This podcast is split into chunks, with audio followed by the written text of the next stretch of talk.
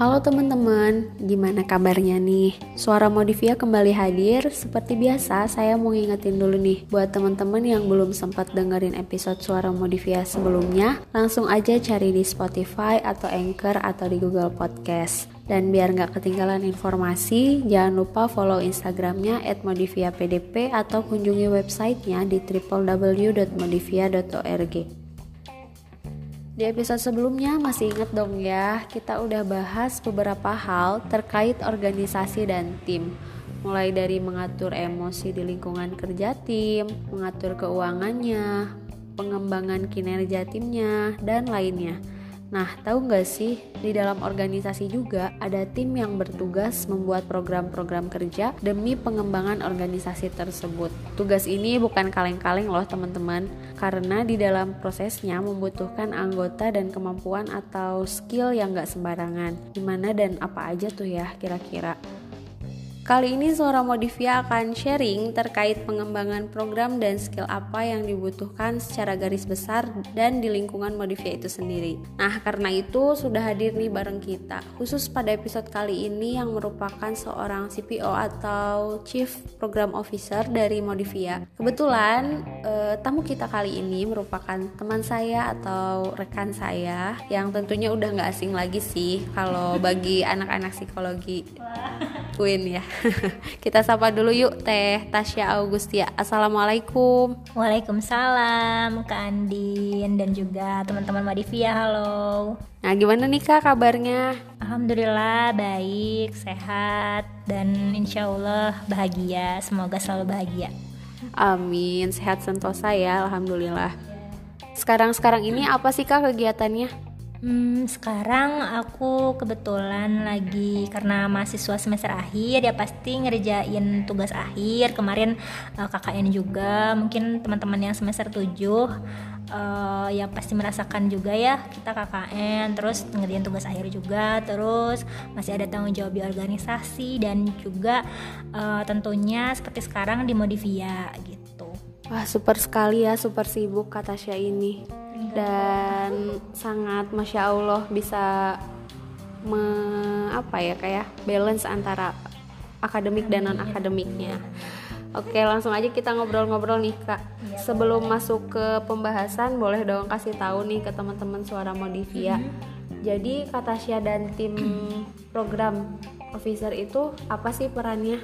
Ya mungkin dari tim dulu ya di program officer ini uh, program officer ini tim yang bertugas untuk merancang uh, produk atau program-program Modivia gini.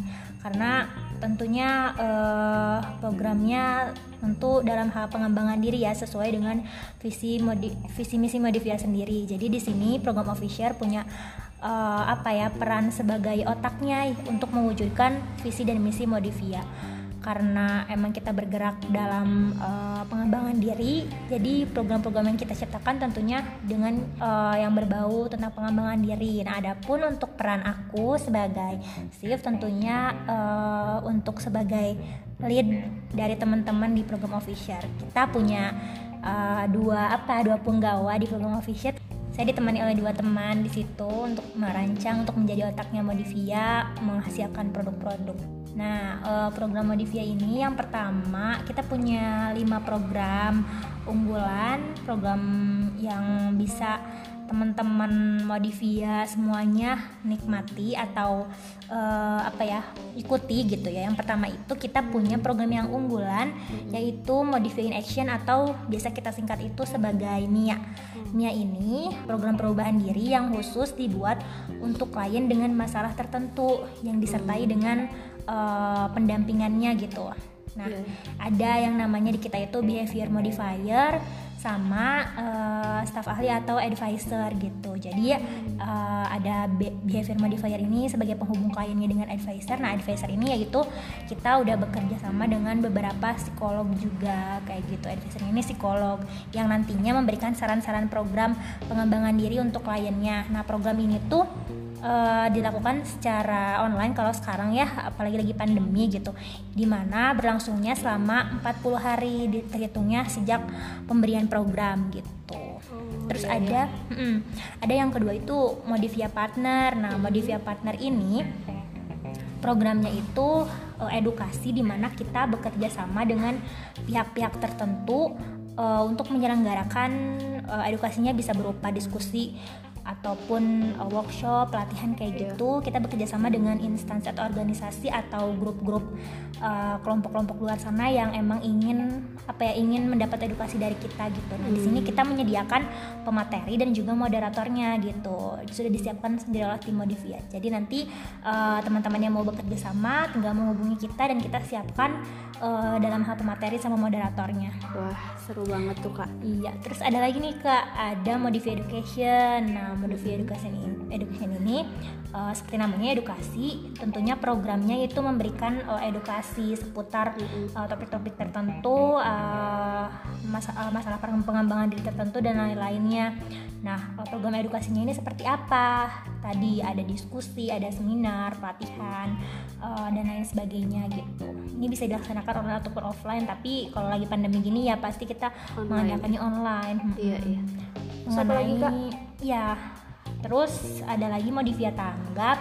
Modifia tanggap ini lebih ke kayak pendampingan psikologis terhadap klien dengan memberikan intervensi atau dukungan psikologis ketika ada terjadi uh, kejadian-kejadian darurat atau masa-masa darurat seperti adanya bencana kayak covid ini jadi mau via tanggap di sini um, membuka program-programnya pendampingan gitu mau itu konsultasi ataupun bentuknya intervensi gitu. Yang pasti ini seperti uh, psychological first aid gitu. Oh iya iya. Ini diberikannya secara gratis karena tentunya ini sebagai bentuk pengabdian lah gitu. Nah untuk yang terakhir itu ada modifiin Ramadan gitu. Modifiin Ramadan ini berupa kelas-kelas pengembangan diri di mana hanya ber, hanya berlangsung saat Ramadan. Jadi membantu kalau misalkan uh, ada teman-teman yang ingin uh, konsisten dalam mengaji atau dalam tadarus atau beribadah lainnya, nah bisa kita fasilitasi di kelas-kelas modifiin Ramadan kayak gitu. Wah keren-keren sih ya kak ya uh, program-program yang disediakan oleh Modivia itu. Nah menurut kakak sendiri nih seberapa penting tim pembuat program itu dalam suatu organisasi? Um, penting ya karena apalagi kan Modivia itu sifatnya layanan gitu kan. Jadi tentunya layanan itu kita harus punya program di mana program ini harus harus ada yang namanya konseptor gitu. Di sini uh, tim ini juga bertindak sebagai konseptor dan juga eksekutor tapi lebih kepada uh, konseptor kan ya karena kita merancang program disesuaikan dengan kebutuhan dari orang orang-orang atau target pasarnya Modivia juga gitu. Mereka lagi butuh apa nih soal pengembangan diri. Nah kita sesuaikan dengan itu. Jadi benar-benar seorang pembuat program atau program official itu sangat dibutuhkan lah supaya uh, juga. Terus ya pokoknya organisasi atau platform itu bisa benar-benar bermanfaat lah gitu. Jadi perlu adanya tim yang bisa membuat program-program gitu Nah, kalau dibilang nih Kak, berarti hmm. si pe tim pembuat program ini tuh termasuk yang harus paham segala rupa nih Kak tek-tek hmm. di organisasi itu kali ya hmm. untuk menyusun-nyusun program organisasi. Nah, tapi sebenarnya skill atau keterampilan apa aja sih yang dibutuhkan oleh tim pembuat program ini? Um, karena apa? Tim pembuat program ini kan atau program official ini identiknya sama kayak tim kreatif gitu ya, yeah. di mana mereka selalu membutuhkan berbagai uh, desain atau kemampuan kreatif, yaitu memikirkan cara-cara baru untuk melakukan sesuatu, terus mengkonseptualisasikan sesuatu yang bermanfaat, memunculkan ide-ide sesuatu yang emang berharga dan uh, ngena gitu ya. Jadi tentunya di sini kemampuan kalau dibilang kemampuan atau karakter apa yang harus kuat dalam seorang uh, tim-tim di program official yeah. atau atau mungkin teman-teman yang lain di luar Modivia yang memang bertindak sebagai tim kreatifnya yeah. gitu kan. Kita harus perlu yang namanya uh, di sini karakter yang harus kuat itu adalah kreatif gitu. Hmm kreativitasnya ya kreativitasnya ya, gitu. Nah selain kreativitasnya juga yang perlu gitu ya kemampuan berkreativitas mm-hmm. kita juga perlu yang namanya kita bi- bisa memandang segala sesuatu itu secara konseptual gitu. Sehingga kita bisa menghasilkan ide-ide yang juga original gitu kan kreatif dari definisinya itu menghasilkan sesuatu yang baru yang original original yang emang uh, belum pernah ada kan gitu ataupun juga memodifikasi apa yang sudah ada gitu. Jadi tentunya kita perlu pandangan yang konseptual supaya menghasilkan ide-ide yang original tadi. Uh, terus juga kita perlu curious lah gitu apa ya kita Penasaran harus punya ya mm, rasa ingin tahu yang tinggi juga. Kayak misalnya kita harus peka ketika melihat apa um, masyarakat sekitar. Misalkan kita sekarang lagi ada di suasana, suasana pandemi misalnya. Kita apa nih yang uh, orang-orang rasakan? Kita harus peka. Terus kita juga harus coba mencari tahu hal itu. Harus lebih membaca uh, selain peka juga kepada masyarakat itu tadi mencari tahu dengan banyak membaca. Kira-kira ketika ada permasalahan ini baiknya itu seperti apa? Kita banyak membaca banyak banyak meningkatkan rasa ingin tahu itu gitu terus juga motivasi yang tinggi dan juga kita punya keahlian untuk mengomunikasikan ide-ide kita juga gitu karena percuma kan kita punya ide-ide yang kreatif tapi kita gak bisa mengkomunikasikannya karena kan apalagi kita ada di tim nih misalkan yeah. terus kita harus punya ide yang kreatif tapi kita nggak bisa mengkomunikasikannya kan percuma jadi kemampuan untuk uh, mengkomunikasikan ide itu juga perlu di sini kayak gitu Andin. Okay. Nah kalau prosesnya sendiri nih kak bagaimana cara tim itu menentukan atau mengembangkan ide-ide ketika menyusun sebuah program? Hmm, yang pertama itu biasanya nih kalau aku berbicara ini entah teoritis atau entah ini praktis ya, tapi ini yang sering dilakukan oleh uh, kita sebagai aku khususnya gitu ya sebagai mm -hmm. tim di program official yeah. ini. Yang pertama yang pastinya research and learning gitu. Kita um, research ke lapangan dengan cara misalnya ya kita setidaknya teman-teman terdekat sendirilah. Kayak misalkan apa sih yang mereka rasakan di tengah pandemi ini misalnya? Terus apa yang mereka butuhkan? Pendampingan apa sih yang perlu dilakukan? Program apa sih pengembangan diri yang cocok untuk mereka? Atau edukasi apa yang perlu kita uh, research dulu? Apa yang paling dibutuhkan? Kemudian mendengarkan tadi membuka mata membuka telinga membuka segala-galanya hmm. supaya kita bisa benar-benar tahu apa yang dibutuhkan oleh mm, orang-orang masyarakat semuanya supaya kita bisa menciptakan program membantu tadi nah setelah kita uh, apa meresearch gitu ya ke lapangan kita merencanakan atau membuat dan juga membuat keputusan planning and decision making uh, planningnya kita merancang biasanya kami suka berdiskusi gitu ya merancang kira-kira kalau ternyata mereka butuhkan ini apa aja yang harus kita persiapkan apa aja yang harus kita organisasikan gitu. Jadi benar-benar di sini di planning programnya akan seperti apa gitu. Lalu kita diputuskan oh fix nih kita akan pakai program ini gitu terus juga seperti yang tadi udah dijelaskan bahwa kita percuma punya ide-ide kreatif tapi kita nggak bisa mengkomunikasikannya maka di sini langkah ketiganya yaitu dengan kita mengkomunikasikannya dan uh, melakukan aksi gitu. Mengkomunikasikannya ini dalam hal apa? Kita mencapai kita biasanya ada buat term of reference gitu, TOR. Iya. Di situ kita mengkomunikasikannya lewat TOR itu sehingga kita bisa menyampaikan ide-ide kita kalau kita misalkan mau uh, psikolog dari kita itu menyampaikan cara atau mengedukasi soal bagaimana coping stress misalkan. Nah kita mengkomunikasikannya lewat tor itu kepada pemateri gitu. Terus aksinya yaitu tadi kita menyelenggarakan program misalkan edukasi tadi seputar coping stress misalnya gitu. Lalu yang terakhir itu tentunya setelah tadi aksi kan ya me, me, apa mengkomunikasikan ide-ide kreatif dan juga kita melakukan aksi tentunya kita perlu adanya uh, evaluasi gitu.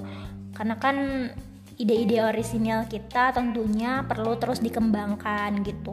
Ide-ide kreatif kita nggak nggak selamanya itu pasti selalu bagus dan ngena jadi kita perlu adanya evaluasi supaya ke depannya kita ide-ide kita itu bisa terus baru dan jadi jadi semakin lebih baik kan gitu. Evaluasi gitu. Kita biasanya adakan evaluasi gimana nih programnya emang benar-benar tepat sasaran atau enggak penyelenggaraan tadi gimana. Hmm, ini juga mungkin uh, tahap-tahap membuat program tadi ini juga sebagai bentuk tahapan-tahapan untuk memunculkan kreativitas kita kan dari tadi research gitu ya planning terus uh, communication and, and action gitu. Terus nanti evaluasi itu juga bisa menjadi poin penting untuk kita gimana caranya teman-teman semua untuk memunculkan ide-ide kreatif gitu. Ini nggak berlaku nggak cuma berlaku untuk uh, uh, apa tim gitu tim di organisasi yang emang sebagai konseptor tadi kan pembuat program dan lain-lain gitu. Enggak tapi juga untuk teman-teman yang memang uh, mau menghasilkan sesuatu uh, karya gitu ya karya pun atau apa ya ya karya produk atau apa itu juga bisa memakai itu gitu. Mau bikin program sendiri untuk membantu orang-orang juga ya begitu caranya untuk memunculkan kreativitas. Kayak gitu teh Andin. Nah menarik nih kak. E, tadi itu bisa sempat bahas ya salah satu cara untuk memunculkan ide kreatif juga. Nah gimana sih di masa pandemi itu biar individu tuh tetap kreatif? Apa sih ada tips nggak kak dari kakak mungkin based on experience kakak nih? Um, ya based on experience sih kalau aku biasanya seneng seneng belajar dari uh, orang-orang kreatif ya gitu berkumpul sama orang-orang kreatif oh, iya. karena mungkin lagi pandemi gini uh, ngumpul secara langsung nggak bisa ya yeah. kadang aku lebih seringin chatting sama teman-teman yang ya sama banyak teman-teman lah gitu kayak ngobrol diskusi diskusi diskusi. Dari situ biasanya suka muncul ide-ide baru. Oh menurut kamu kayak gimana? Gitu. Jadi ngumpulin perspektif orang lain. Terus belajar juga dari orang-orang kreatif. Nah belajar dari orang-orang kreatif ini biasanya uh, aku kalau lagi pandemi ini seringnya nonton cari inspirasi gitu ya nonton iya. YouTube gitu dan sekarang juga uh, lagi marak TikTok kan ya biasanya suka banget lihat TikTok walaupun orang sering mandang kalau TikTok itu ya sebelah mata lah ya uh, kayak dance doang aja gitu, gitu. Hmm, dance aja gitu kan padahal di situ banyak banget uh, ide-ide kreatif cara-cara kreatif tutorial kreatif gitu ya tutorial hmm. orang-orang hmm. yang kreatif banget gitu ya di situ biasanya aku cari inspirasi di situ di TikTok di YouTube gitu ya aku nonton-nonton. Jadi belajar dari orang-orang kreatif karena sebenarnya kayak konten kreator itu mereka uh, orang-orang kreatif iya, kan iya, gitu. betul, betul. Hmm, ya intinya gitulah gitu kita bisa lebih paham sesuatu untuk mencoba kreatif itu dari belajar dari orang kreatif.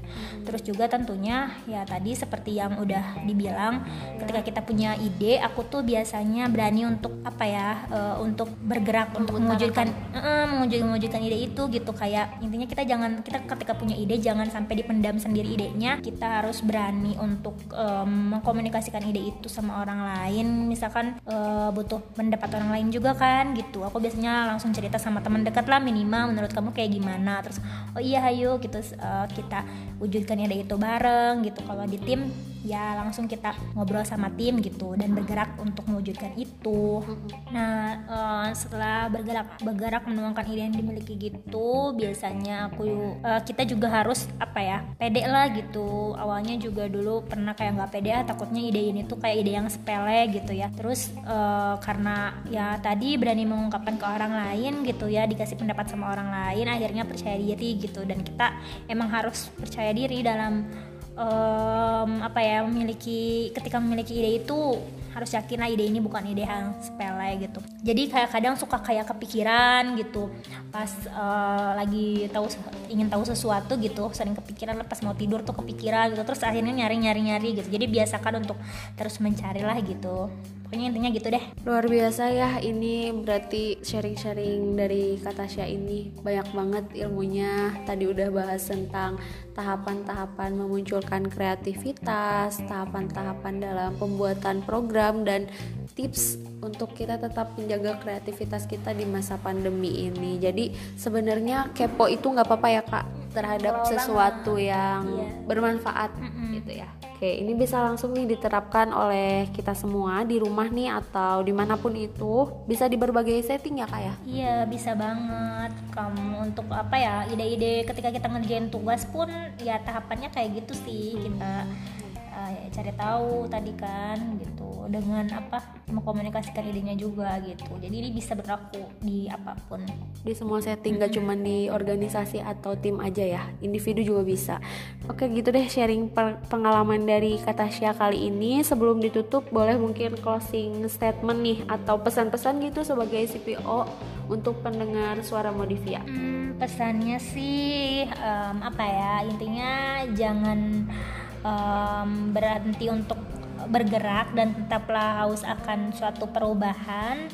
Uh, caranya adalah dengan seperti yang tadi disampaikan banyak mendengar membaca dan merasakan apa yang terjadi di sekitar kita terus bergeraklah untuk mencari tahu akan semua itu dan juga bergerak pula untuk menuangkan ide-ide seliar apa pun itu untuk mewujudkan hal-hal uh, itu menjadi sesuatu yang benar-benar baru dan bermanfaat gitu. Jangan takut juga untuk memulai apa yang belum pernah dimulai oleh orang lain gitu dan harus ingat juga sih kalau pandemi ini apa yang kita alami sekarang ini bukan merupakan suatu halangan untuk kita berkreativitas gitu. Sebab uh, keadaan baru seperti ini harusnya itu menjadi peluang yang baru untuk kita mengembangkan ide-ide baru yang sebelumnya mungkin belum ada gitu. Seperti ya halnya program-program Modivia saat ini gitu. Jadi dulu itu kan belum ada yang namanya Modivia tanggap kayak gitu. Namun setelah pandemi rasanya kita sadar bahwa perlu adanya uh, gerakan tanggap dari kita untuk bisa membantu mereka yang uh, terdampak dan lain sebagainya. Kayak gitu sih Tandin oke baik. Nah jadi itu tuh sebagai penutup episode kali ini. Semoga bisa ngasih gambaran nih buat pendengar suara Modivia ya kak ya. Nah terima kasih Kak Tasya sudah berkenan meluangkan waktu dan sharing bareng kita ya sama-sama. Semoga bermanfaat. Mohon maaf masih banyak sekali kekurangan dari apa yang aku sampaikan tadi. Mungkin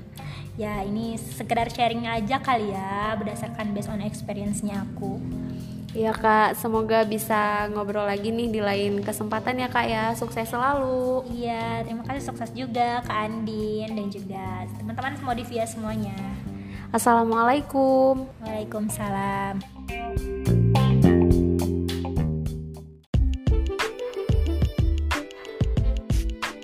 Oke, dan makasih juga buat kalian yang udah setia mendengarkan suara Modivia kali ini. Sampai jumpa di episode selanjutnya ya. Saya Andiani Nanda pamit undur diri. Bye. Make a step, build the self.